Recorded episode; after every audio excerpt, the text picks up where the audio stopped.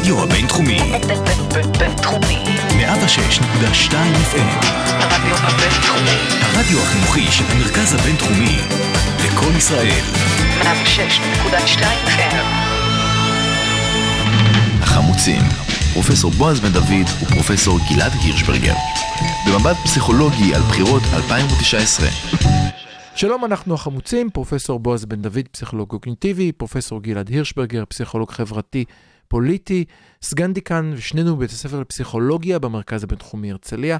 אנחנו החמוצים בקטע הקטן של הסוף, שהוא קטן, הוא מדבר על משהו קטן והוא קצר בזמן, הכל כאן הולך אחד על הפוך, על הפוך, על הפוך, וספיישל הגשת הרשימות לכנסת הקטנות שיעשו את ההבדל. בבחירות האלה, לדעתי, הקרב הוא קרב אחד.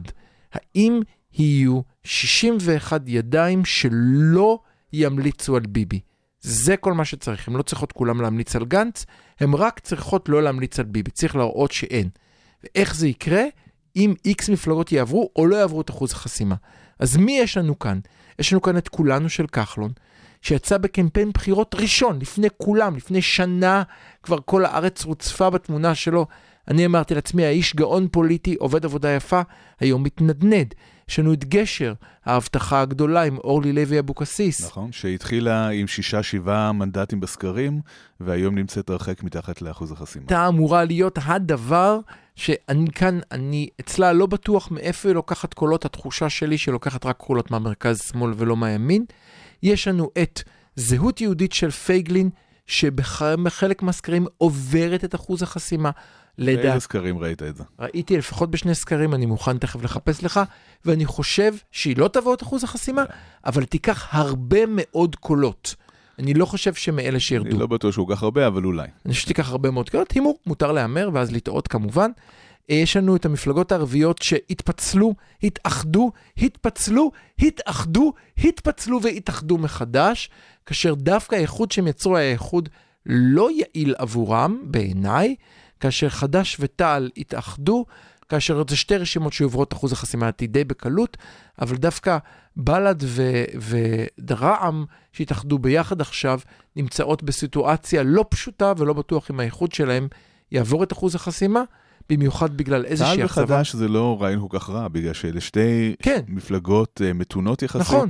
ואם תקום כאן אה, ממשלת מרכז-שמאל, אין שום סיבה לא לצרף את המפלגות האלה. עד שאמרת עופר כסיף, חבר הכנסת לעתיד עופר כסיף נכון, הולך הוא להרוס לך הוא את הכל. מקלקל, הוא מקלקל. אם רק היה להם נכון, את... אה, נכון, אה, נכון, נכון. היו להם כל, היו להם, היו להם מועמדים יהודים ראויים, מרשימים, שיכלו להגיע מצד לצד, לגרום לימין ולשמאל לעבוד ביחד. אם דב חנין היה נשאר, אז הכל היה נראה אחרת. אני, אבל, אבל יש את עופר כסיף, אני, אני מתנצל, אבל אה, אפילו בועז לא יכול לסבול את זה. אפילו אני לא יכול לסבול את זה, ואני כאן הקצה השמאלי של הזוג. אה, אנחנו מדברים גם, לצערי הרב, עמדותיי אינן חסויות, על מרץ שכרגע בכל הסקרים עובר את אחוז החסימה, אבל מתקרבת אליו הרבה יותר מדי נעים לכל ואני המחנה. אפילו הייתי מוסיף את מפלגת העבודה. אני מסכים איתך, כי אני חושב שדקה, ה- בדקה ה-90, בדקה ה-90 התחוללו כאן אה, דברים שיכולים לגרום למחיקה גם של המפלגה הזאת. ואני חושב שבדקה ה-90 הרבה מאוד אנשים מצביעים מההארדקור של מרץ, יגידו אנחנו רוצים שמאל, יישארו עם מרץ. יש לדעתי מרץ שלושה מנדטים, הרביעי אני לא בטוח, שלושה שבאש ובמים. מפלגת העבודה בבעיה כי ה- ה-DNA שלהם קוראים לו היום בשם, קוראים לו בני גנץ. ואני חושב שמי שמצביע, הצביע לרבין, יש את גנץ. למה הוא חייב להצביע דווקא לאבי גבאי או לסתיו שפיר? חושב שהם בבעיה. נכון, זאת, זאת בעיה מאוד גדולה, ואחת הדרמות הגדולות שיכולות לקרות בבחירות האלה, זה שככל שאנחנו נגיע לרגע האמת והקרב בין אה, נתניהו לגנץ לפיד ילך ויגבר, הרבה מאוד אנשים ינהרו לשני המפל... לשתי המפלגות הגדולות האלה, נכון. וינטשו את המפלגות הקטנות. אנשים שוכחים שמה שמכריע בחירות, וזה משהו שאמרת בהתחלה, הוא גודל הגוש ולא כן. גודל המפלגה. אה, אם יקרה מצב שבו מפלגות מימין, כמו הבית היהודי, כמו כולנו, יימחקו, או מצד שמאל, מפלגות כמו מרץ והעבודה יימחקו, תהיה לזה השפעה דרמטית על תוצאות הבחירות. מאחר ואנחנו מדברים פה על מנדט אחד, מנדט לכאן, לדעתי, מי שלא יעבור את אחוז החסימה ייתן השפעה, אני מסכים איתך.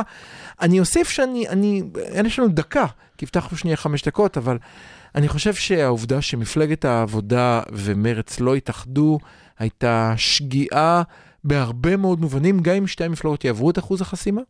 ואני מקווה שכן, אני כן, כאמור לא אדם... עתידו של אה, גבאי לוט בערפל. זה היה, זה היה כל כך לא חכם, רק אפילו מבחינת המשאבים שאפשר היה לחסוך והענקת רווחה, שהייתה אומרת, אוקיי, יש אחוז חסימה, אני חושב שהיה שם בעיניי צעד לא חכם. אנחנו נראה את התוצאות. ייתכן וזה יגרום לאובדן קולות עצום למחנה הזה.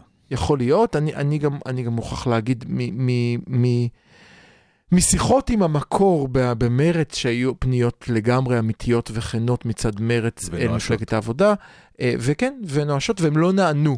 הם לא נענו, ואני אני אתן הימור קטן, שלו בראשות מרץ הייתה, היה עומד גבר ולא אישה, אני, סלח לי, יושב ראש מפלגת העבודה, אני חושב שהגישה הייתה אחרת, עיין ערך מקרים לא שהיו שזה בעבר. אבל... אני חושב שהסיפור כאן הוא גבאי, וגבאי לא רוצה להיות קשור לשמאל. אני חושב שיש קצת יותר מזה. בכל אופן, אה, הסכמי העודפים אומרים את הכל. הסכמי העודפים הם, זה אה, הכחול לבן סגרו עם כולנו, שחבל שלא התאחדו קודם, אם כבר עושות את זה עכשיו. העבודה סוגרים עם מרצ, שחבל שלא התאחדו קודם, לא עשו את זה עכשיו. הליכוד סוגר עם האיחוד, אה, ש- אה, האיחוד הימין שעשו את זה.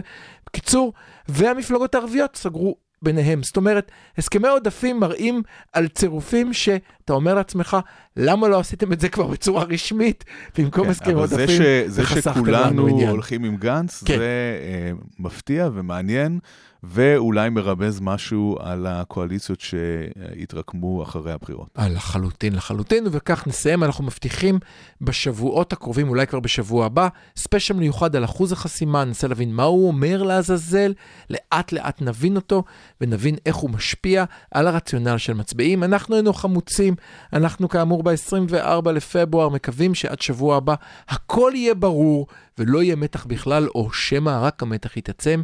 תודה רבה. תודה לך, בועז. החמוצים, פרופסור בועז בן דוד ופרופסור גלעד הירשברגר. במבט פסיכולוגי על בחירות 2019.